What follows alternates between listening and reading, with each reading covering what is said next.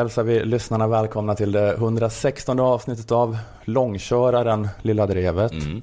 Er favoritpodd. Eller kanske er typ fjärde bästa podd. Mm. Kan jag tänka mig. Eh, Det här är en samtidskommenterande podcast för Aftonbladet Kultur. Som görs i samarbete med våra sponsorer Akademikernas A-kassa och fackförbundet Jusek. Jag heter Ola Söderholm. Jag sitter här med, och nu läser jag till Liv Strömqvist och Jonathan Unge. Är det bra med er? Yes. Jo tack, förolämpande programledare. Um, nej men det är, ehm, det är väldigt tidigt på morgonen. Eller det är, det är inte tidigt för någon vanlig människa som lyssnar. Men för sådana oss som oss så är det ju, klockan är nio bara alltså. Ja, men de andra har varit på jobbet en halvtimme. Men för sådana som oss brukar det kanske vara en timme till av sömn Ja. några timmar YouTubes och Twitters innan Mm. man kanske öppnar ett Word-dokument. Mm. Sen lunch, Sen, eh, tidig middag, sen säng. just det, lite gnäll däremellan om att varför det inte går bättre kanske. Man ringer och pratar med någon och gnäller om att det inte går bättre för en. Men nu är vi då uppe superduper tidigt. Vi behöver komma igång här. Mm. Eh, Så jag tänkte att vi kan börja och prata lite grann om eh, Anne Frank-exploateringen Mhm. som pågår i Sverige. Jaha, Jag det hörde, vet jag inget om. ja, jag hörde bara ett eh, reportage i Godmorgon Världen, Sveriges Radios Godmorgon Världen om Anne Frank-exploatering. Och Anne Frank var en tysk-judisk flicka då Mm. som 1942 till 1944 levde under jorden i Amsterdam. Hon och hennes familj gömde sig undan nazisterna. Till slut blev de förrådda, infångade och skickade till koncentrationsläger där alla utom pappa Otto dog. Och Anne skrev under tiden i gömstället en dagbok som sedan gavs ut och blev en av världens mest eh, lästa böcker. Det är bakgrunden. Mm. Eh, Och vad kan vi då lära oss av Anne Franks eh, gripande och tragiska livsöde idag?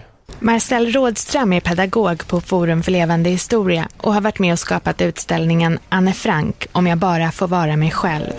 Då tar man spjärn kan man säga i Anne Franks berättelser. Ja, eh, genom att ta spjärn i Mm. Anne Franks berättelse kan man då lära sig samma sak som man lär sig av att lyssna på Lalle. Att det är viktigt att bara få vara sig själv. Ja. Mm. Så kan man ju känna, jag vill bara vara mig själv, precis som Anne Frank ville. Men Anne Frank fick inte vara sig själv. Hon tog skit på ett sätt som inte Lalle gör. Lalle gör. Lalle hade aldrig tagit så mycket skit av nazisterna. Jag ska aldrig ta skit igen. Hon har bara gått fram till nazisterna, dansat framför dem, sänt dem tillbaka till it. Nürnbergspelen. Ja, men det var det som hände med Anne Frank då, och det, och det var fan fel. Hon fick inte vara sig, vara sig själv. Och eh, Forum för levande historia var det här. Det är en Ja. statlig förvaltningsmyndighet som jobbar med att främja tolerans och mänskliga rättigheter och så vidare. Mm. De har nu den här utställningen, Anne Frank, om jag bara får vara mig själv. Eh, så- Och den är nu i Stockholm och snart ska den turnera landet runt. Och den här Marcel Rådström som hördes i klippet, eh, han arbetar på utställningen och eh, håller i workshops med skolungdomar eh, där man eh, eh, arbetar med frågor som rör identitet och fördomar. Eh, och han berättade om en övning i den här workshopen i Anne Frank, om jag bara får vara mig själv-utställningen. En övning som ska få kidsen att tänka till om identitet och fördomar. Ja, jag kan eh, berätta en person som heter Dylan. Eleverna får titta på en bild på Dylan och Dylan han har ett långt hår, eller han säger jag, nu faller jag i samma fälla som eh, eleverna gör. Dylan är en person som inte vill landa i facket manligt eller kvinnligt. Så när eleverna tittar på, på bilden då säger de att det är en tjej. Och sen får de se en film där Dylan berättar om sig själv och då blir de väldigt överraskad. Ja, men det var ju en kille. Och det minnar då ut att Dylan själv tycker inte att det är viktigt. Okej, fine. Ja. Så känner Dylan. Så är det för Dylan. Ja. Eh, Men De diskuterar, eh, åker och turnerar runt hela Sverige för att diskutera vilket kön Dylan har och vad de tror för att komma landa i slutsatsen att det inte är viktigt. Eh, Varför? ja, det, ja, det gör de. Och, det, och så är det för Dylan då. Det får man väl respektera. Det kan ju vara, det är ju Dylans historia. Och det, den är väl, kan väl vara viktig att berätta. Men det här var ju då en Anne Frank-utställning. Ja. Eller hur? Ja, ja. Jag bara Men tyckte är det var lite konstigt att eh, om, och skitsamma, fortsätt att köna, bara försöka gissa, köna en, en icke-binär person. Sen när kommer det fram till en bild på Anne Frank och som man, någon ser en ekonomisk parasit, en, en annan ser en glad tjej. Och Anne Frank tycker inte att det är viktigt. Nej, du hade behövt vara curator för att få det här att hänga ihop bättre kanske. För den här utställningen. Ja men det, det var, det där var Dylan så känner Dylan. Men det här var ju då en Anne Frank-utställning, Mm. eller hur? Vad har då frågorna Dylan och de andra ungdomarna som hörs i utställningen att göra med judeförföljelsen under 40-talets Europa? Marcel Rådström förklarar att deras berättelser fungerar som en brygga till historien. I sina workshops pratar han om vad det innebär att sätta etiketter på folk. Och med det som brygga kan vi sen börja prata om Fanns det någon period i historien där man faktiskt satt fysiska etiketter på folk för att tala om vilka de var? Ja, men då tänker de på andra världskriget, förintelsen och judar. Dylan eh, vill inte bli könad. Nej. Eh, Dylan vill inte inordna sig i det binära tvåkönssystemet. Mm. Men på grund av att vårt samhälle ser ut som det gör så råkar Dylan ändå ofta ut för människor som reflexmässigt könar Ja. eller försöker inordna Dylan i det binära tvåkönssystemet. Och Dylans öde väcker ju frågan hur ska vi kunna ha en bra diskussion om det här som händer Dylan utan att dra in Treblinka och Auschwitz? Om du vet hur det skulle kunna gå till, ring och berätta för Forum för levande historia. För de har ingen aning om hur vi ska kunna prata om det här som hände Dylan utan att dra in Treblinka och Auschwitz. Ja men det är väl ett bra sätt kanske. Ja. Att, att hedra och levande göra minnet av Anne Frank. Att uppmärksamma människor i Sverige idag som inte får vara sig själv. Ja. Eh, I Anne Franks fall innebar att inte få vara sig själv att hon inte fick vara. Det var väldigt bokstavligt så. Det här med varat, inget du ska få hålla på med Anne. Du ska bara få hålla på med intet. I Dylans fall eh, innebär då inte få vara sig själv att Dylan i samhället ofta möter en okänslighet och låg kunskapsnivå om, om eh, sin identitet. Jag, hade förstå, jag, jag kanske hade varit så, förstått jämförelsen mer om historien om Anne Franks dagbok handlat om en flicka som hela tiden utsattes för omgivningens ignorans och okunskap om hennes judiska identitet. Mm. Så här, Anne, är du en katolik eller en protestant? Hon bara, ah, sluta placera in mig i det binära tvåreligionssystemet. Att det var så, va? Ska inte du fira jul? Alla firar ju jul. Här, ta lite skinka. Äter du inte skinka? Fan vad konstig du är, Anne. Jag blir osäker på din identitet, Anne. Jag kommer kanske istället bilda inofficiella nätverk med människor jag upplever är mer lika mig själv. Men om jag slår dig kommer snuten. Om det hade varit så i det nazi-ockuperade Europa för judar hade jag förstått liknelsen. Men är det inte den här, eh, ah, men så jävla dåligt är det inte. Det är väl att se, det är väl liksom för att, vilka grupper förtrycker vi idag? Vilka grupper låter vi inte idag vara? Bla bla bla. Kan, skulle kunna, om man Men, inte håller eh, koll på det, leda till eh, En förint- ny förintelse. Ja, men förfölj, mer organiserad förföljelse. Men det, men det är liksom bara något här med att jämföra ett samhälle där eh, alla är lika inför lagen, men det finns olika typer av normer och strukturer som försvårar vissas livsmöjligheter. Att jämföra det med ett samhälle med statsunderstödd apartheid, där folkmord på vissa grupper är lagligt. Att jag tycker att det är ganska vattentäta skott mellan de två situationerna. Det är inte en gradskillnad. Det är en skillnad. Och det här säger för sig också den här Marcel att eh, han fattar att man kan inte likställa dåtiden och nuet. Men att det ändå är relevant att jämföra Anne Frank och eh, till exempel Dylan då för att Titta på de här små, små stegen. När man tar bort en människas rättigheter, en människas värde, en människas rätt att existera som alla andra i sam- samhället. Det är det vi kan diskutera. Och just då i den här utställningen eh, så handlar det om rätten att få vara sin egen identitet. Ja, men det är väl inte samma slags rättighet vi pratar om. Alltså rättigheterna som Hanne Frank saknade och rättigheterna som olika förfördelade grupper i Sverige idag saknar. Det är inte samma slags rättigheter. Sen är det också ett motsats eh, utvecklings... Vet du det, alltså det, är väl, det är väl snarare nu att, att det läggs på rättigheter, inte att det tas bort. Ja, Alltså i samtiden just nu. ja men det är ju skillnaden är ju, det är ju, alltså den här skillnaden som är mellan de här, de rättigheterna då Ja. vissa kanske idag saknar och de rättigheter Anne Frank saknar, det är ju skillnaden mellan alltså, så kallade negativa och positiva rättigheter. Mm. Anne Frank hade inte negativa rättigheter. Hon hade inte rätt att slippa bli misshandlad, bestulen och dödad. Alla i vårt samhälle har de rättigheterna. Det har inte skett några som han sa, små, små steg. Där man bit för bit plockat bort människors negativa rättigheter i Sverige den senaste tiden. Det finns det människor i vårt samhälle som lider mer eller mindre stor brist på positiva rättigheter. Att vissa människor har mycket mindre möjligheter än andra att tillfredsställa sin egen potential. Det är väl som en positiv rättighet. Att, ja, men det kanske har varit sådana små steg för steg att man tar bort och att alla inte har samma rätt och möjlighet till en bra skola eller, eller whatever. Men jag tycker så att människor som saknar negativa rättigheter alltid har en särställning i martyrtävlingen om vem det är mest synd om. Det går inte att komma ikapp med hjälp av brist på positiva rättigheter. Ingen glidande skala. Två helt olika skalor. Det spelar liksom ingen roll hur svår förkylning du har. Du kan inte lipa om det inför någon som har cancer.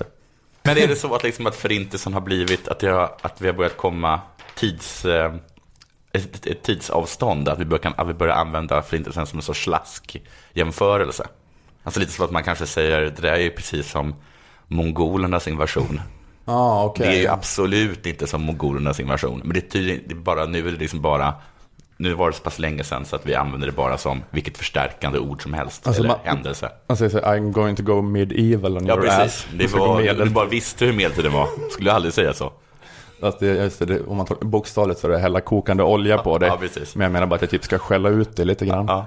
Och att, att folk har den inställningen till nazismen. Mm. Jag, vet, jag tror inte att det i alla fall är, är förenligt med Forum för levande historias arbetsbeskrivning. Ja, men jag tycker ändå man kan fatta vad de håller på med.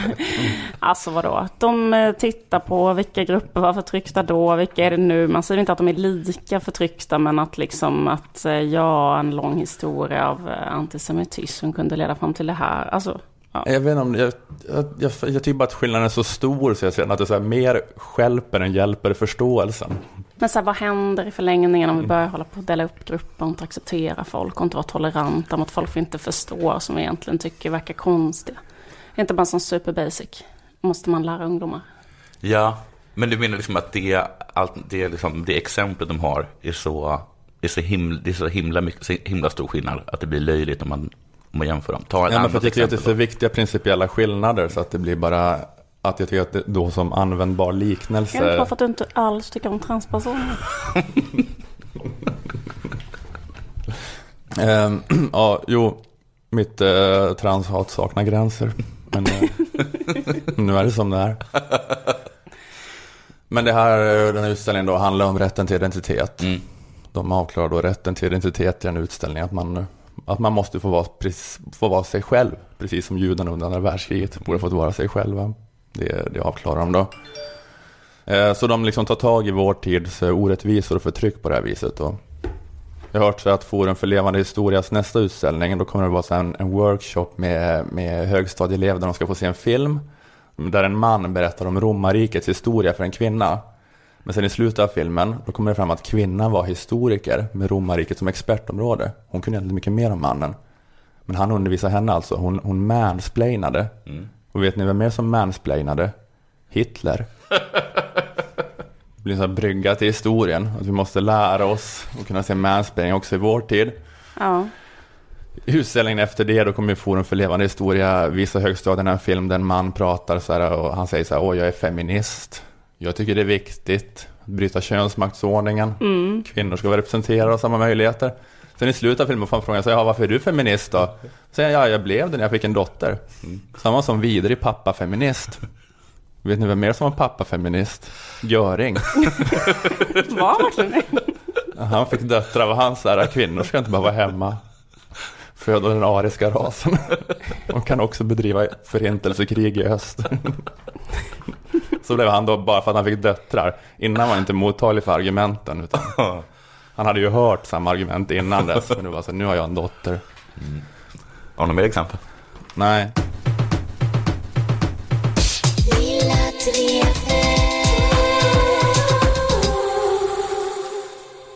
Jag vill börja med att säga det är ingen ursäkt eller någonting sånt. Jag tar inte tillbaka någonting jag sagt. Men jag gör ett tillägg. Mm. Jag uppmanar alla att ta ut allt de ägde och hade och satsa det på att Hillary Clinton skulle vinna. Mm. För det finns inte en chans i helvetet. Läs, kolla siffrorna på att Donald Trump ska vinna. Just det. Mm. Men nu så har han ju stukat om, eller han har, han har dukat om, säger man så? I, i sin kampanj, bland sin, bland sina kampa, sin kampanjpersonal. Okej. Och så har han bland annat tagit in Kelly Ann Conway. Ni har sett några klipp med henne. Nej. Himla bra. Okej. Hon, hon är en person som inte blir arg. Så att han har höjt kompetensnivån i sin stab. Han har tagit in en fullblodsrasist också, men med hon Kelly Ann Conway. Okej. Hon har tydligen också kommit på ett nytt knep för att få honom att, eh, att hålla sina rallies utan att skrika rasistiska grejer. Hon har förklarat att opinions, eh, opinionsundersökningar är som eh, tv-tittarundersökningar. Och han är galen i, i ratings. Nu har han förstått att de är viktiga. Vad konstigt att någon behöver förklara det för honom. Ja, Man tycker att det borde vara samma... ja men han har inte funkar han likadant på Han har honom. inte riktigt förstått det tror jag. Okej. Så att jag säger fortfarande att satsa allt ni äger och har. Men kom ihåg vad jag sa. Kelly Ann Conway. Men så det, det Donald Trump behöver för att vinna det här valet Ja. är någon som berättar för honom att det är coolt att få flest röster Ja. och ha mest stöd. Ja. Då är han ostoppbar. Han har bara, allt som han har bara inte fattat för opinionsundersökningar. Han har bara på något sätt trott, jag vet inte vad, det, vad han har tolkat det som. Mhm. Han har tolkat att, bara, att det bara är vinklat av media. Men jag och Kelly Ann Conway berättar för honom att det är samma sak som eh, tittarsiffror. Nog om det. För en liten tid sedan så höll eh, Stefan Löfven sitt sommartal. Ja, Och likt en eh, Pol Pot så har han eh, lanserat sin egen kulturrevolution. Fast tvärtom. Genom att införa läslovet. Där ska kommuner och, och statliga institutioner arrangera aktiviteter som stimulerar läsning också utanför skolan. Då stödjer vi läsningen precis på samma sätt som vi stödjer idrotten under sportlovet. Så min uppmaning till er här alla det är läs. Läs för barnen, läs med barnen, läs. Han har aldrig låtit mer som Martin Luther King än just där och då.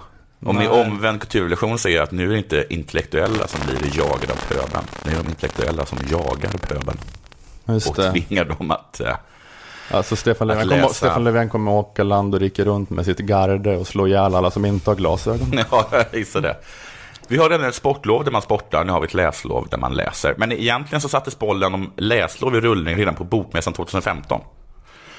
Eh, På ur.se finns ett seminarium som handlar om just det. Under föreningen Läsrörelsens regi samtalade politiker och läsambassadörer om vikten av att läsa.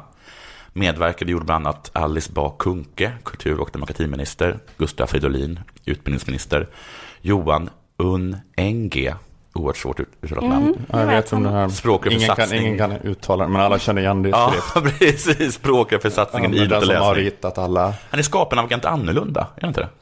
Eh, eh, inte- misstag. han men är är det inte Adam och Eva typ? Ja, alltså precis. serien Adam och Eva. Ja, jo, jo, för sig, men det är väl Jag kanske... tycker Agent den- Annorlunda tycker jag är lite underordnad Adam och Eva. Om man ska Nej, men det är väl... Va? Skämtar du med mig? Ja, men vad som är mest känt. Va? men Okej, det- Okej, men då är det så här att Adam och Eva var hans eh, meal ticket och eh, Agent Annorlunda var det här eh, geniet han gjorde vid 25 års ålder. Han kommer aldrig göra någonting så bra igen. Ja, Men jag tycker bara att det är en sån här äh, teckningsstil som man förknippar med äh, Kamratposten Ja. och olika gratistidningar i skolan och sådär. Han ha liksom nästan som du. Han är typ... Ja, precis. Men jag tänkte på det när jag var liten och läste äh, Agent Annorlunda. Att det där låter, ser nästan ut som mitt namn Det är som ditt namn man stoppat in ett E på Ja, ja. ja. ja, det är faktiskt intressant. Mm, Sådär. Katti Hoffrin, chef för Stockholms stadsbibliotek, med mera, med mera. Tyvärr är detta seminarium borttaget från URs hemsida på grund av att det var fullkomligt olidligt. Jag vet inte om det var det, men jag gissar att det var outhärdligt. Tänk dig Bah Kuhnke och Fridolin sitta och samtala om att det är viktigt att läsa. Vilken klyschbuffé. Det här kan vi inte ens ha på URs hemsida, sa UR, tog bort det. Kommer det, kommer det sägas något spetsigt nu? Kommer det sägas något så här, som man kommer komma ihåg? Som kommer sticka ut och vara så här, åh fan, tänk att den personen sa det. Hur kommer det hända nu? Det finns en gräns även för ur.se, den togs bort. Jag tänker mig lite att det är sånt där världens roligaste skämt. Om man hör det så skrattar man ihjäl sig. Fast här är det omvända. Hur som helst, exakt om hur detta läslov ska genomföras får man en fingervisning om på webbsidan läslov.se. Där står det, med läslovet vill man stimulera barn och ungas lust till läsande och skrivande i alla former på alla platser. Det kan vara med bokbytardagar, skrivarverkstäder, filmversioner av böcker som visas på en fasad. Det kan vara via kanaler som Youtube och P3 med rapartister eller genom idrottsklubbar eller på kaféer och restauranger.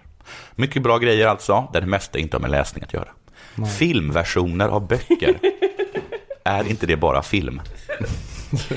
En Med, rappare på ett café. Är inte det bara en rappare på ett café? med rapartister. Det låter som det första förslaget på varenda statlig brainstorm som någonsin hållits. Rapartister, ja. Men vad mer än rapartister? Hmm. Via kanaler som YouTube, visst hör man liksom swishet från sociala medieexpertens arm när liksom den fördes upp. Vad sägs om YouTube? Fy fan.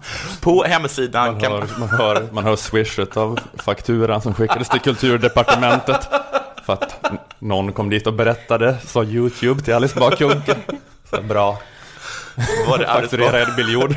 Enda punkten de inte behöver betala var rapartister, för det kom Alice på själv. På hemsidan kan man också, för att visa sitt stöd, bli en läslover Åh, fan. och skaffa sig en pick badge att sätta på sin bild på Facebook eller Twitter. Så som en uppmaning av Gustaf Fridolin inte var häftig nog. Man måste ha en pick badge också. Det räcker väl inte, behövs väl inte. Och som alla lov, det vill säga som absolut inga andra lov, så har läslovet en slogan. Årets läskigaste vecka. Meningarna var delade om detta lov. Experten, vars namn jag inte hittade, på Nyhetsmorgon, hon var positiv. Det är ju ganska listigt, det är ju inte en reform som kostar en massa pengar. Man får ändå fokus direkt på vad det handlar om. Eh, så det är någon som har kommit på något rätt smart här. Något rätt smart, någon har kommit på någonting listigt. Och detta smarta och listiga verkar vara att det inte kostar pengar. Ja, men jag tycker hon har poäng där. Jag tycker rätt så smart nu när hon sa så. Jag tycker det låter som ett slag i luften. Slå i luften kostar ju ingenting, men ändå gjort någonting. Lite så kan man tänka. Fast man har inte gjort någonting. Fast man har inte gjort någonting, men andra sidan så kostar Man har bara ingenting. slagit i luften. Men jag har ändå gjort det. Men, ja, men, Ja, det, det är men det är att inte göra något. Jag förstår din invändning. Andra experter, som din favorit Aftonbladets Lena Melin, eh, skrev en krönika med rubriken “Bra tänk Löfven, men det kommer aldrig fungera”. Tanken är god. Avsikten är att understryka hur viktigt det är att man läser. Mycket för att skaffa sig tillräckligt ett stort ordförråd. Men tyvärr kommer det inte funka. Stefan Löfven tänker sig att eleverna ska få en rejäl läs, äh, läsläxa under lovet och att bibliotek och fritids erbjuder mer läsning under den här veckan jämfört med andra. Tyvärr är det en knas i det. Från en politisk experimentverkstad som inte kommer att fungera. Det kommer att leda till raka motsatsen jämfört med avsedda. De som redan läser mycket kommer läsa ännu mer, medan de som läser lite inte kommer läsa mer. Vad hon vet mycket alltså. Hon vet väldigt mycket. Det är för sig inte raka motsatsen, då de som inte läser i så fall borde läsa ännu mindre. Nu har jag för rätt i att de, de läser ju inte, så det går inte. De som inte läser kommer inte läsa mer. Och de som redan läser kommer läsa Ja, mer. de kommer läsa men då mer. har det en effekt. Ja, det har det faktiskt lite, en liten effekt. Har det. Eh, Om det inte är så att hon menar att vad en Fridolin föreslår så reagerar folk med att göra det omvända. Alltså att man bara inte klarar av att Produkti och Morsgris ska tala om för en vad man ska göra. Liksom. Lite som när Simon Svensson hör Mitt Romney säga att man inte ska rösta på Donald Trump. Då vill ju han rösta på Donald Trump. Nu, spel, nu kan inte han det, så det är ingen Nej. fara. Men det är också kanske lite som när jag lyssnar på Slates Culture Gabfest, som låter så här. I'm Stephen Metcalf, and this is the Slate Culture Gabfest live from Steve's Porch edition. It's Wednesday, August 17th, 2016. On today's show, we sit on my windy, gusty back porch in a beautiful late summer, late afternoon, and we uh, take uh, listener questions. Um, so, what do you say, guys? Should we just dig in? Yeah, I think so. Det var ett ganska dåligt klipp, det var lät ganska trevligt. Men jag blir antisemit när jag lyssnar på eh, Slates Culture Gabfest. De här jävla öststatsjudarna, ska inte, östkustjudarna, ska inte sitta och berätta för mig om saker och ting. Får sån himla förståelse för folket på Trumps rallys. Fy satan. Jag hörde på den där Slates Culture Gabfest för några veckor sedan då eh, hon sa, eh, en, av, eh, en av tjejerna, att eh, hon berättade att Dana. Dana, hon sa att hon hade stått och gråtit i duschen när hon tänkte på Trump. Jag duschade igår och så grät jag i duschen för jag tänkte på Trump. Simon Svensson, jag är på din rygg. Säger man så? Men, då kanske är det också så att folk reagerar som jag, Simon.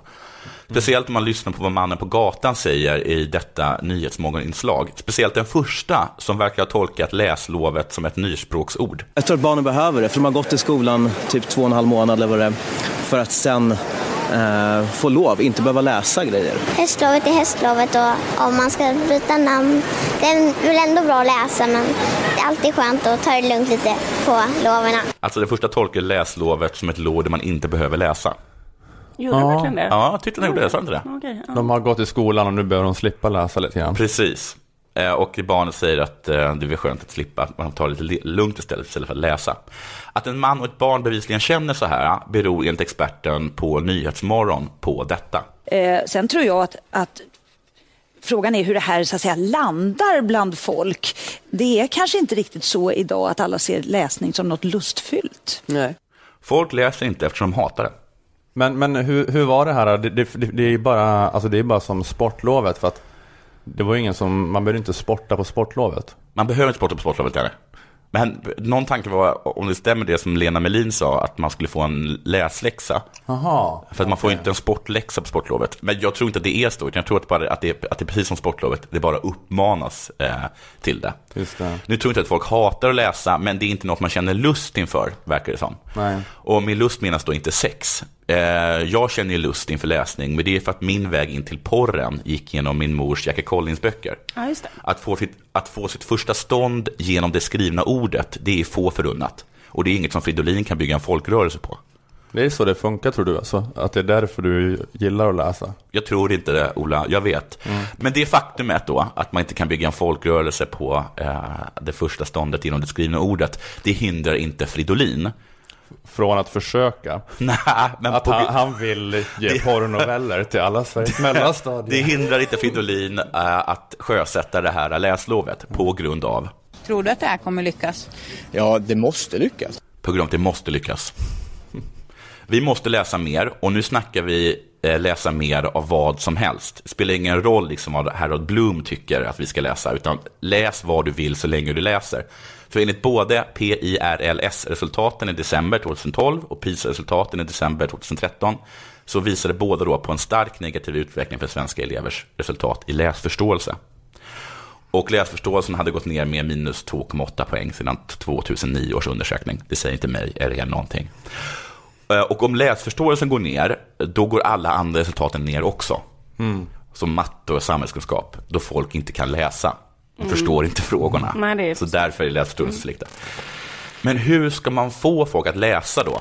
Det handlar om att man behöver läsa i idrottsträningen också. Att man behöver se till att eh, fotbollstränaren och, och eh, eh, alla andra vuxna som finns runt barnen är med i det läsfrämjande arbetet. Alla måste läsa så barnen läser. Om omgivningen läser så läser barnen. Fotbollstränaren till exempel.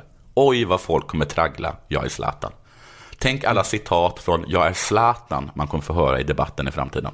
Den uppsjö författare som jag har, Jag är Zlatan som sin stora inspiration. Man skulle kunna göra så att fotbollstränaren på fotbollsträningen istället för att säga så här du är en jävla sopa, så Ja. typ skriver han en skylt Ja. och håller upp den framför Just barnet. det. Vad säger du? Ja, just det. Gå och läs en bok. Kanske har Lena Melin rätt. Det här kommer aldrig att funka. Men jag tycker nog att Fridolin är på rätt spår. För visst läser man mest på semestern? Mm. Han gav folk chansen att åka på solsemester, de som har råd. De som inte har råd får gå till, ett- till ett um, solarium. Och där kan man lägga sig och läsa en bok. För det är då man läser böcker på På semester. solarium? Eller Nej, här på på semester? semester. Okej. Men jag säger bara vad de fattiga ska göra. Och om man kombinerar det- detta med vad Harold Bloom säger, att det är inte att läsa, utan vad du läser som är det viktiga, så kan man med rätt Jackie Collins bok, jag rekommenderar Lucky's Chance, kanske få till en liten illning, en lustfylld retning i en ung människa skrev. Och som man brukar säga, mjukporr är inkörsporten till Bulgakov. Okej, men... ja just det, men det där mjukporrspåret som de borde gå på mer egentligen då. regeringen. Mm. Det finns ju mjukporr i många gamla svenska klassiker. Jag Det gör kommer det. själv ihåg den här scenen från uh, Utvandrarna. Mm. Som är så här, Kristina öppnar sig som en snäcka. Kommer du Ja. ihåg Kristina öppnar sig som en snäcka? Det kommer jag ihåg. jag kom till dig förra gången. Men jag Typ kom... väldigt så långa grafiska, väldigt mycket långa grafiska sexscener mellan Karl-Oskar och Kristina. Eller var Mm. jag bara Nej men så på mellanstadiet, ovan vid läsa den typen? För att det var... på mellanstadiet så kommer jag ihåg att vi hade att, att, ett visst antal böcker som jag aldrig har hört talas om och aldrig någonsin kommit i kontakt med senare. Så här, liksom små, ganska tunna böcker som, man- som man fick läsa, eh, som måste vara utgivna av, av, av läsrörelse. Och i samtliga av dem så fanns det sexscener. Mhm. Det var någon som handlade om Titanic till exempel. Alltså, eh, men som inte var det. det var, de hade sex hela tiden. Mhm. Och sen vet jag också, det här känner man till, men att jag vet att vi fick en antologi. Och i den så var det utdrag ur, um, ur Grottbjörnens folk. Och ett sex, en sexscen i en grotta. Va? Say hello to a new era of mental health care. Cerebral is here to help you achieve your mental wellness goals with professional therapy and medication management support. 100% online. You'll experience the all new Cerebral Way, an innovative approach to mental wellness designed around you. You'll get a personalized treatment plan from a therapist, prescriber, or both in a safe and judgment free space. Your cerebral therapist or prescriber will outline a customized plan with clear milestones along the way so you can get to feeling your best. With Cerebral, you're not alone in your mental health journey. We're here to empower you to live a fulfilling life. So take that first step towards a brighter future and sign up today at cerebral.com slash podcast and use code ACAST to get 15% off your first month. Offer only valid on monthly plans. Other exclusions may apply. Offer ends July 31st, 2024. See site for details. Att ni fick läsa Grottbjörnens folk i skolan. Ja, men alltså det var, ja, de hade bara klippt ut sexscenen av Grottbjörnens folk och Ja. lät er läsa det. Ja.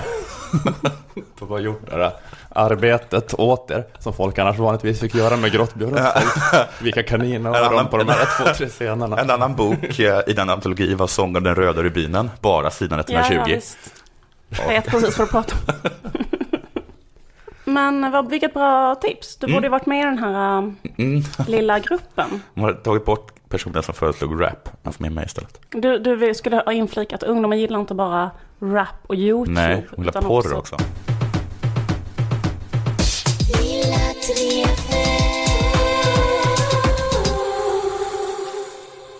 Nu är det dags att eh, berätta om Lilla Drevets sponsorer, Akademikernas A-kassa och fackförbundet Jusek. Produkten de erbjuder är ju trygghet. Mm. Helt otroligt att de för en liten summa varje månad kan ge en det med tanke på människans predikament. Mm. Vi bara faller genom universum. Ett snabbt utbrinnande tomteblås. Kommer från ingenting, på väg mot ingenting. Hur ska man kunna känna trygghet? Hur ska man kunna få något grepp? Hur ska man kunna få något grepp om den här, det här flyktiga, absurda och godtyckliga varat? Hur ska man kunna få en fast punkt, en hemkomst i kosmos? Jo, man går med i a-kassan. Att vara med i Akademikernas a-kassa kostar endast 100 kronor i månaden.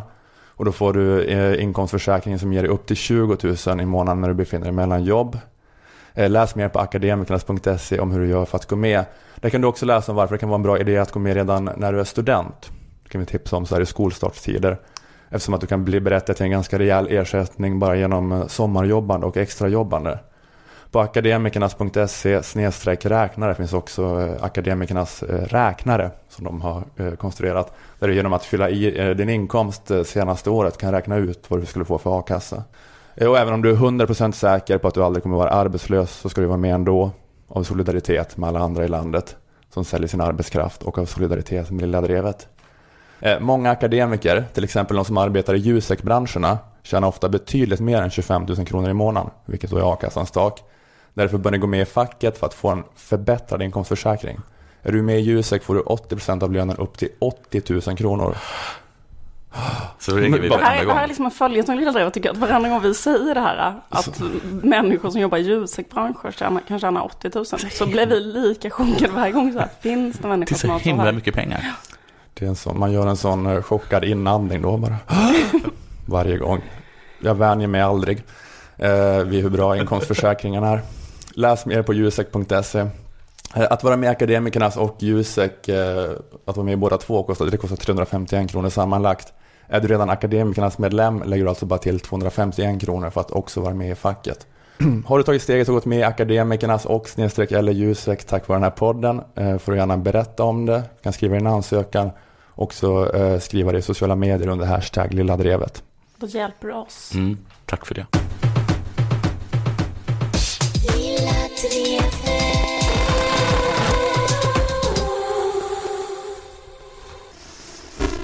Fy fan vilken pers det har varit. Det här med eh, fotbolls-OS.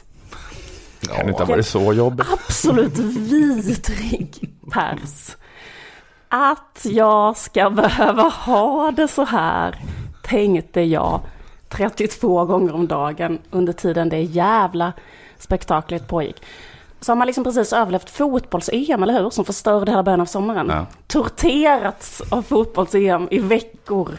Och precis när man precis som en sån liksom cancerpatient som har klarat den sista delen av behandlingen. Andas man ut, Ja. tror att mardrömmen är över och då får man reda på att det har kommit en ny sista. Fotbolls-OS. Visste inte ens att det fanns något som hette fotbolls-OS. Vad fan är det? Det är inte ens ett ord. Jag tycker att du, du behöver bli bättre på stoicism, känner jag. Du låter det här komma åt dig för mycket. Man är hemma i goda vänners lag en fredagkväll. Föreslår något kul och normalt som att vi alla ska titta på en dokumentärfilm om Fassbinder. Nej, då är det tydligen final mellan Sverige och Tyskland. Då är det plötsligt en psykisk sjukdom att inte vilja sitta i en grupp och kolla på när ett gäng tröga blondiner sävligt galopperar över en äng som en flock ardennerhästar. Vad vackert det lät. Då är det plötsligt Jag visste inte kriminellt. ifall det var kvinnohat eller... Först tänkte jag det här låter som kvinnohat, sen så var det en ganska fin hyllning. Då är det plötsligt kriminellt att inte vara intresserad av att följa de här varelsernas saktfärdiga rörelser och lyssna på deras konstiga, glesa, gälla skrik. Då anses man plötsligt vara en sociopat bara för att man tvingas tillbringa kvällen ensam i ett annat rum, liggandes i sin säng med täcket uppdraget till hakan, sörplandes folköl, gråtande över världen är så jävla fruktansvärd. Ja, det lät faktiskt sinnessjukt. Jens Liljestrand. Forum för levande historia borde ta, ta upp ditt, eh, ditt predikament här. Om hur du har det. Och Nu ska jag att ungefär från som... förintelsen. Mm. Jag ska berätta sak som Jens Liljestrand skrev. Ja. Jens Liljestrand skrev i en artikel i Expressen den 19 augusti inför finalen i fotbolls-OS. Eh, ikväll visar jag min dotter en annan värld. Ikväll bänkar jag mig i tv-soffan med min tioåriga dotter. Jag vill visa henne en annan värld. En värld där kvinnor inte tar någon skit. Jag, bara, jag får bara säga en sak som jag är alltså fruktansvärt ärlig nu, helt ärlig, raljerar inte alls. Mm. Varför är det per definition så himla himla bra att det nu ska vara så här för barn, tioåriga flickor? Att eh, det ska vara helt lika självklart att de ska spela fotboll som Mm. den stämningen som varit med killar. Så varför är det så bra? Va? Nu är ni tvungna att bära det oket också.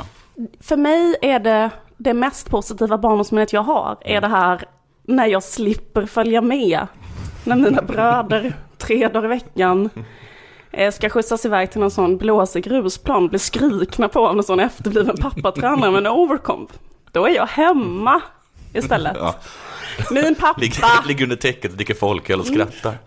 min pappa, Gud bevara hans minne, skulle aldrig komma på tanken att utsätta mig för någon slags missförstådd pappafeminism, övergreppa mig med någon sån pappafeminism. Alltså så här, skjutsa iväg mig till någon äcklig plan.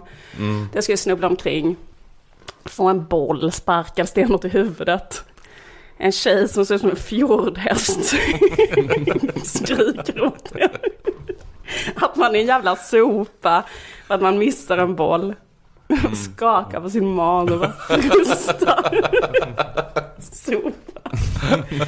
Så ska varenda unge ha det. Så är alla människor i Sverige, eller hur? Vi är inte nöjda förrän varenda unge ska med och ut på den där jävla planen, in i ett sånt omklädningsrum, vi snärtar en sån äcklig handduk. Mm. Varför är det utopia för 100% av alla svenskar? Alla barn ska ha ont i magen tre gånger i veckan. behöva Och match på söndagar. Mm. Nu var det istället så här för mig. Jag kunde vara i mitt rum och göra sådana här saker. Eh, organisera min bokmärkessamling. Kolla hur många dubbletter jag hade. Jättefin ängel. Vad kul mamma och pappa. Jag är här inne i mitt varma rum om ni undrar. Kommer ut om fyra timmar. Ingen står och vrålar åt att man ska göra armhävningar. Man gör inte armhävningar bara. För man orkar inte. För man har så svaga armar. Man jag kan inte. Jag är bara en liten tjej. Jag är bara en liten tjej. Jag hör, vi hörs om fem timmar när jag är klar. Får sitta här och läsa Harry Potter. Jag läser han på Grönkulla. Organiserar mina Jag behöver- klistermärken. Kanske vi organiserar någon pärm med klistermärken. Och underbart vackra klistermärken och ser om vilka som passar ihop. Morfar. Ses om sju timmar. Jag behöver varm O'boy för kalcium till mitt svaga skelett. Jag har hört många som säger att Sundhage i en intervju säga det här. Jag tänker på när jag började spela fotboll och inte tjejer fick spela fotboll och helt plötsligt står jag här som förbundskapten för det svenska damlandslaget och skriver historia.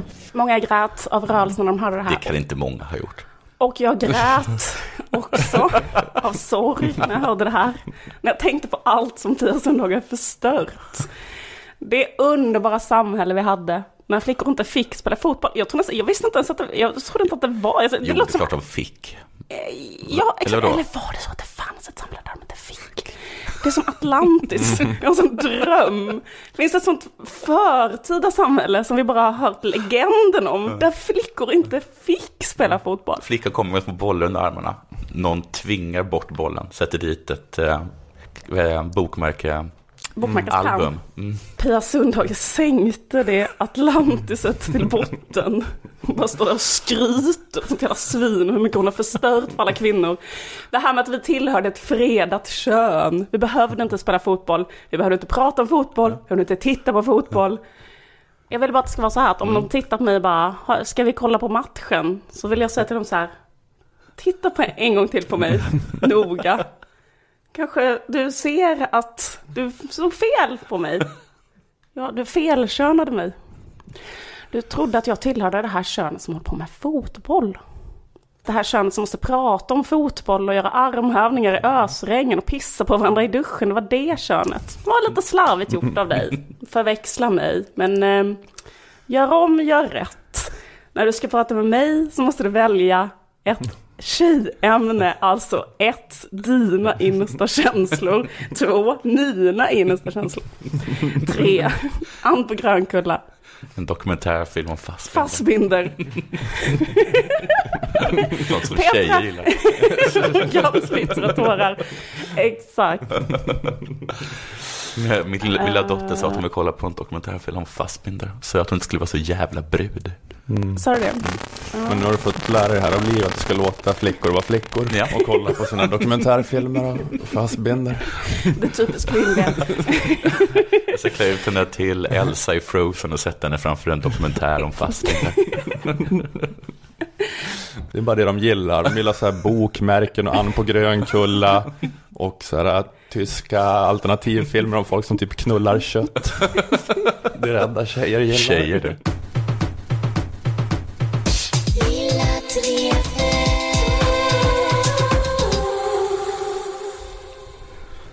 I förra avsnittet så talade Nanna om en äh, grön entreprenör. Mm, det hörde jag faktiskt. Som liksom levde sitt säljsnack 24 timmar om dygnet. Hon slutade aldrig, aldrig vara en pitch. Mm. På något sätt. Och det fick mig tänka på sitcom-serien Silicon Valley som jag ser nu. Som handlar om ett gäng IT-entreprenörer. Och där drivs det bland annat med att alla IT-företagen måste ha en sån liksom, messiasaktig sales pitch. Alltså de kan inte bara sälja in sig hos investerare som ett företag som levererar en tjänst som kommer gå med jättemycket vinst. Utan de måste också vara världsförbättrare. Att Google så... Duno Evil har, har, har Google till exempel. Att, liksom att Google, de ser sig själva som bärare av fria ordet till de förtryckta massorna. Och alla som jobbar där är helt höga på att de jobbar på Google. Ja, det är precis. som en sekt där man känner att man är Ja. eh, ja, världsförbättrare. Det är en saga man berättar inte bara för investerare utan också inför sina egna. Och för ett tag sedan så såg jag ett UR-seminarium eh, där en, där en talesperson för Buzzfeed Ja. eh, deltog. Och hon sa gång på gång på gång saker som det här om vad det är de levererar. something that really is valuable in people's lives and is changing those lives for the better. Um, we have really found that BuzzFeed has a positive impact on people's lives. It- you know, it's still having like a really positive impact on people's lives, right? And I, I think that's just really amazing. Vad är det som är så himla bra för folks liv som Buzzfeed levererar? Glädje och underhållning, va? Antar jag. Vad allt de gör är att leverera lustiga listor. Och det erkänner hon också lite motvilligt. BuzzFeed has become the the funny butt of a lot of jokes in terms of um, our list format. Man driver ganska mycket med BuzzFeeds listor, för de är töntiga och fullkomligt harmlösa. Men de är också roliga och söta. Mm. Katter är ju söta och roliga. Och, och det är liksom, den här talespersonen håller inte riktigt med om att det bara har att göra med katter och att det är töntigt och fullkomligt harmlöst. Eh, utan hon ger exempel på en superviktig lista som de har gjort. 29, 29 things that you should that everybody should know about their nipples. 21 grejer du måste veta om dina bröstvårtor till exempel. Där hittar de en person som hade upptäckt cancer på grund av den här listan. Okej. De har fått in ett mejl. Då förstod de att eh, vad det de gör är viktigt. Alltså personen hade läst listan och då bara Ja. började undersöka sina bröst. Ja, du måste, På alltså, sin bröstvårta. Det var så, så här, 21 saker du ska veta om din bröstvårta. Om det är jättestor tumör på din bröstvårta. jag, har inte läst, Så är det inte bra. jag har inte läst listan utan jag litar bara blind på vad den här talespersonen för Buzzfeed säger. Mm. Tröttsamt tycker jag, att man måste hålla igång det här skitsnacket hela tiden. Nu, Ja, det där lät verkligen som bullshit. Ja, att man är tvungen att stå och ljuga sig själv i, i spegeln varenda dag. För hon erkänner på slutet av seminariet det vi alla vet och gillar med Buzzfeed. Um, like we like we love cats at BuzzFeed, right? We just love love cats so much. De älskar katter jättemycket. Vi vet det, de älskar katter och vi älskar katter. Och det räcker mer än väl. Det räcker väl Inte jättebra. jag och Ola. Vad sa du? Att... Älskar inte katter. Ja, men är det för, älskar inte katter. Är det för sådana visst. som Ola som man är tvungen att, att hålla på med det här? Med Att det här, låtsas att det också att det också är, ja. att det också är en världsförbättrare. Mm. Kan du inte bara slappna av Ola och låta oss tycka om Buzzfeed för att de har superbra listor med jättemånga gulliga små katter? Men jag gillar väl kissar också, och jag också Buzzfeed nu då, att jag säger katter, vad är det här för trams, det här Ja. gör ingenting för mig. Men den här Nej, då, bröstvårtor. bröstvårtecancer-historien. För du har stått där och klämt på den här bröstvårtan och undrat. vad är det här för något? Det kommer ju ingen mjölk i de här. Jättekonstigt. Ska jag amma med de här? Av eller? cancer. Men jag kan tänka mig liksom att så här, vet inte, Google eller Facebook, att de behöver, att de kan hålla på med en skitsnack. Men liksom att även Buzzfeed, den här liksom totalt harmlösa sidan, att den ska, att, Mm. att de måste sitta på, på möten och brainstorma fram på vilket sätt de kan självrättfärdiga, självrättfärdiga sig själva. Ja, det är väl en sån här mänsklig eh, reaktion ändå att eh, folk kan inte jobba all sin vakna tid med något och tycka att det är bara meningslöst och idiotiskt. Man kan, man, kan, man kan inte leva så. Det är som att vi måste låtsas eh, tycka att satir är viktigt. Eller att den här podden är viktig. Men om man gör någonting, den, den mängd kärlek en kattlistmakare får. Att, att det ändå inte ska vara nog för människan. Men det, är- ja, men det är, eh, de var höga på den kärleken ett tag, men Ja. så vill man alltid vidare. Ja, ja, det är ja, som, det är så, kan det vara med komiker ofta, så Ja. att ja, ja, ni ser Ja. mig som den här tramspersonen. Ja, ja, men nu ska jag göra en mono, monologföreställning Ja, där jag har ett gripande parti om, eh, om hur det är att ha ett utvecklingsstört barn. eller något, Eller jag ska jag vet säga inte. sanningen om samhället. Som sån här. Kapitalismen. Eh, Cancerbröstvårtan är liksom eh, Buzzfeeds motsvarighet till när Jonas Gardell släcker ner Ja, i taket ja. och en spotlight på sig själv. Och så här, eh, säger något om Sverigedemokraterna. Just det. Ja, men då är- får det vara så helt enkelt.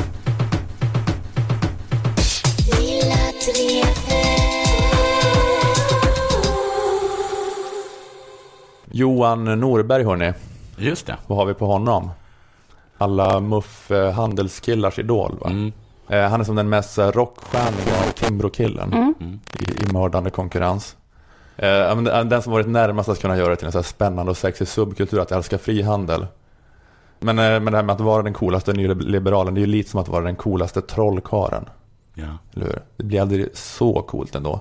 Ja, men lite som med kläder också. Eller? Ja, exakt. Alltså, ehm, Man har, eller hur? Det, page och ehm, Lite. till långt hår, typ till lite nedanför öronen. ja, så lite, så här, lite syntig och svartrockig stil. Exakt. Men aldrig så att det tippar över, utan det är ändå propert. Det är ju sådana killar, nästan alltid killar, som de kanske de kanske hade så här lång rock och portfölj på gymnasiet. Ja, men ja, det, de har samma kläder, coola trollkarlar och coola nyliberaler. Men det, det, det, Eller kanske en kråsskjorta. Eller gått över gränsen nu? En Ah. blank kostym i en färg. Mm, ofta, rätt ofta helsvart också tror jag. Man kanske har en svart polo- polotröja. Just det. Men det kanske inte, man har samma stil som cool nyliberal och cool trollkarl. Man är ofta samma person. Att det är en rätt vanlig så här, kombination. Att trolla och typ älska ateism och frihandel. Mhm. Ni menar att om man skulle göra en opinionsundersökning på vad trollkarlar röstar på? Ja, de är ju sällan vänster tror jag faktiskt. Nej, det är mycket Centern och Folkpartiet. Ja, de är sådana frihetliga, li- Eh, lite libertarian-hållet personer. Jag eh, pr- har träffat Johan Norberg en gång och då berättade han för mig hur han blev eh, nyliberal. Och då berättade han så att han, eh, eller han blev, han kan inte det något annat, marknadsliberal. Eller vad det nu är, hans politiska Men, ideologi. Men han, han, han drev ju tidningen Nyliberalen i typ tio år. Så om, någon, om någon ska behöva stå ut med tillmälet nyliberal tycker jag att man kanske kan kasta det på Johan Norberg. Ja, men då berättade han så här att han, nu kommer jag inte ihåg vilket land, men ett eh, mellaneuropeiskt land, typ Belgien eller sådär, är han är uppväxt där. Därför att hans pappa var, eh, Ah. jobbade i ett annat land. Så, här. Så att, eh, och då berättade han att han gick runt där i alla fall och att det var väldigt mycket hemmafruar där. Alltså det här ska ha utspelat sig när han var liksom ett litet barn. Och att han brukade titta på de här kvinnorna som satt i fönstren och liksom längtansfullt eh, drömde sig bort från sin hemmafrutillvaro. Och det var det som var hans... ehm, hans han beskrev det som sina då... Sitt politiska uppvaknande. Ja, exakt. Att, att eh, han som sjuåring skulle ha tittat på de här kvinnorna och tänkt så här, tänk om kvinnor också fick ehm, ingå i liksom eh, marknadsekonomin och... Mhm. Men man behöver inte bli just nyliberal för det, eller? men det, att- det är inte det som är det speciella med att Ja, vara... men eh, det är väl liksom det som är storytellingen ändå, alla människors... Eh, eh, liksom eh, att, att, att friheten är att kunna sälja sin arbetskraft och ha pengar och liksom hela den grejen. Okej. Men jag fick känslan av att storyn var, jag ska inte säga så, men jag fick kanske pyttelite känslan av att storyn var på ett efterhand och lite för att plisa mig. Just det. Inte för att förhäva mig, men kanske pyttelite. Eller kan hon ha varit sju och tänkte. jag tycker bara det känns väldigt osannolikt att ett barn skulle uppskatta yrkesarbetande kvinnor. För det barn uppskattar allra mest det är ju kvinnor som är i hemmet såklart. Mm. Barn vill att det ska vara jättemycket mysiga mammor hemma hela Kanske tiden. hatar kvinnor. Kanske vill kunna komma hem till ett hem utan alltid en kvinna som står och kokar något. Just det, så Mm. har det kunnat vara. Men jag blev, jag blev kallad nyliberal en gång. När på mitt första år på lärarhögs- lärarhögskolan, så, på en föreläsning så frågade läraren, vad man skulle kunna, eller ja, professorn vad man skulle kunna göra för att förbättra skolan. Mm. Och då räckte jag upp handen och sa att man skulle höja lärarlönerna. Och då skrek någon nyliberal till mig. Eller kanske försvarade jag jättestarkt friskolorna. Det kan vara det också. Hur som helst, de kallade mig nyliberal och det var då jag började hata kommunismen. Åh, vad, va- vilka vackra anekdoter du blev avbruten av. Förlåt. Ja. Men nu får du fortsätta. Ja, men de tuffa nyliberalerna, Mm. då, bland annat Johan Norberg, han är kanske deras ledare. Det var så att de här tuffa nyliberalerna, de var i 20-årsåldern, på 90-talet så drev de svartklubb i Stockholm. Så, men jag, jag tänker att de gillade nog egentligen aldrig riktigt att festa. De var lite så här för kontrolliga och stela och autistiska för det. Det var, det, var nog, det var nog nästan bara det principiella motståndet mot sosseriet som drev Mm. den klubben. Mer än att, de, att det var så, åh vi är galna kids som måste festa utan stängningstid. Jag tror att de teoretiserade sig fram till den svartklubben. Jag hatar Snarare. ecstasy, men jag är beredd att dö för min rätt att sälja det. Och så, vad fan, jag vill bara hem och läsa Liftarens guide till galaxen. Måste jag stå här och bekämpa sosseriet till klockan fem? Förmynderiet, danstillstånd. Här dansar vi till klockan fem. Jag hatar att dansa. Ja, men det var, då har vi skissat en liten karaktärsbeskrivning av de eh, coola nyliberalerna. Det blir kanske inte jättecoolt. Jag fattar att du är inte töntigast i töntpatrullen, men det är ändå svårt att lämna den patrullen på något sätt. Men det är ändå Johan Norberg den som varit närmast att inte då Närmast att göra den kulturen sexig. Om Ayn Rand skulle ha legat med någon samtida svensk så är det väl han. Ja, det tror jag. Men eh, Johan Norberg har Han liknar lite hennes, eh, hon hade ett förhållande med en ung kille som faktiskt liknar honom, Nathaniel Brandon. Jaha. Som hade också den frisyren. Kanske han som Det är nog ingen slump att han har modellerat sin look efter det kanske. Vad skulle Ayn Rand gå igång på? Ta med en bild på Ayn Rands pojkvän till frisören. Jag vill se ut så här. Om det blir ett, vad heter det, ett hål i, i tiden så vill jag vara redo. Först skulle jag åka tillbaka och knulla Ayn Rand. Sen åker jag och döda Hitler. Bara, Om ett, li, bara ett litet stopp. Om jag får be. Dr Who. Dr Who, ett litet stopp bara. Ehm, ja, ja. Mm. Men det var inte det här vi skulle prata om. Men nu blev det det. Nu blev det det. Ja, det är bara, en liten, jag har bara pytteliten tanke här. Det var det att Johan Norberg har skrivit en krönika eh, med rubriken Varför vägrar vi se att världen blir bättre? Han skrev den här krönikan i Expressen, i The Spectator och han sa den också i Godmorgon världen. Ungefär samtidigt publicerade han samma grej på tre ställen. Mhm. Trippelfakturerade. Sådana är de kapitalisterna. Där fick jag honom. Nej men eh, han, eh, han gör den här. Det är s- smart Mm. entreprenörskap. Mm. Mm. Nej, men han gör den här. Han räknar inte med att det fanns någon som följde alla medier. det är inte många som vet, men det finns faktiskt, faktiskt en person som följer allt som sägs och skrivs och publiceras. Nej, men han gör eh, den här eh, spaningen att, de här, att det här uppskruvade känsloläget och paniken om hur hemskt det är. Den här känslan som driver människor in i armarna på auktoritära politiker. Eh, att den känslan är opåkallad eftersom världen inte alls är hemskare än förr.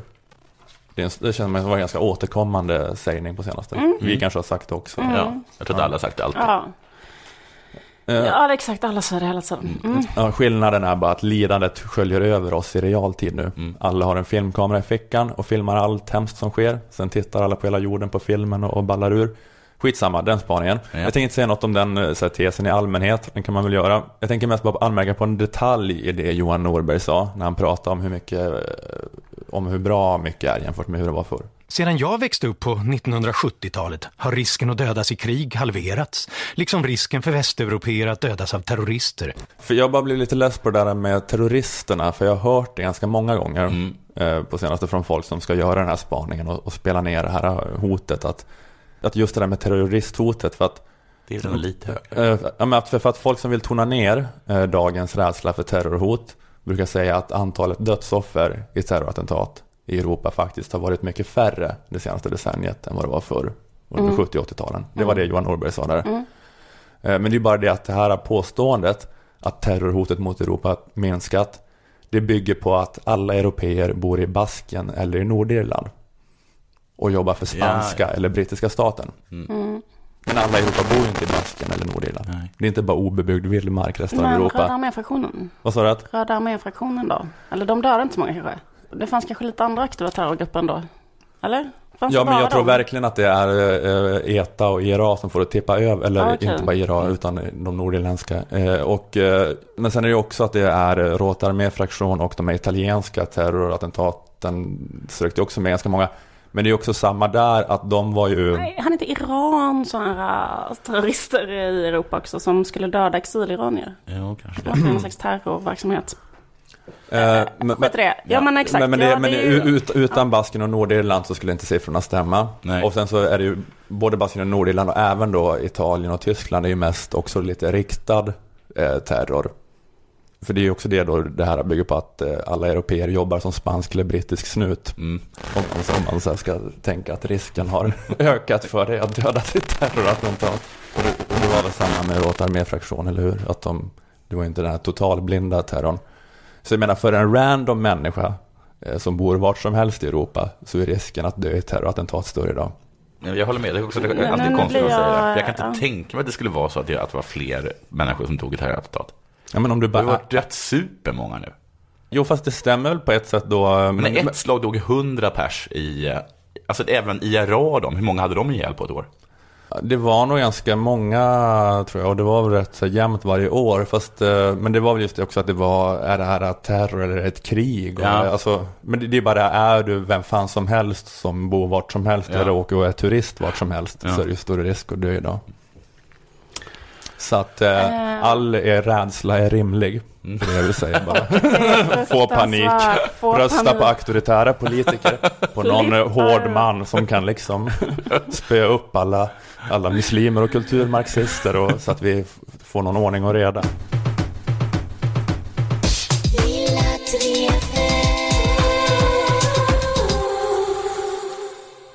Okej, eh, det var allt. Vi är ute nu på vår nya eh, släppdag torsdag också. Mm. Det, det är vad det är, det är väl inget ord om. Det spelar inte, det spelar inte så stor roll. Men nu blir det torsdag istället för fredag. Vill du säga något Jonathan? För reklam? Ja. Eh, Jag gör reklam för min, eh, min special. Tydligen så är den inte en special för den är för kort. Men Branne Pavlovic anser att det är den nya längden på en special är den längden som jag har. Och hur lång är den? 17 minuter. Mhm. Den finns på YouTube, Mm. på Aron Flams YouTube-kanal och heter Helt fantastisk. Helt fantastiskt. Just det. Ja, vad är reklam för den? Ja, vad roligt. Jag, har inte, jag, ska kolla, jag har inte hunnit kolla på den ännu. Nej, för det är ingen krav. Nej, men jag såg bara att eh, folk eh, på Twitter skrev lite snälla saker om den. Och blev vansinniga av missunnsamhet Mm. och bitterhet. Så att, eh, det är kul för dig. Vi kan säga också den här Underjordfestivalen, komedi och konferens är ju nu i helgen, fredag och lördag. Jag kommer vara med på fredagen och gigga. Det- Alltså det är Malmö, i Tangopalatset. Så att eh, det finns biljetter på Biletto. Och sen så är det massa... Lilla Drevet eh, personer. Ja, Moa och Dilan kommer Just det, Moa och köra. Ska uppträda. Och sen så är det väl massa shower med eh, massa eh, hyfsat, hyfsat roliga människor. människor. Mm. Så köp biljetter till det. Tack Aftonbladet Kultur, tack Akademikernas A-kassa och Jusek. Eh, Jag heter Ola Söderholm, ni heter Liv Strömqvist, Jonathan Unge. Står det på papper. Nu, ja, vi, vi hörs igen nästa vecka. Ja. Hej. Hej då. hej.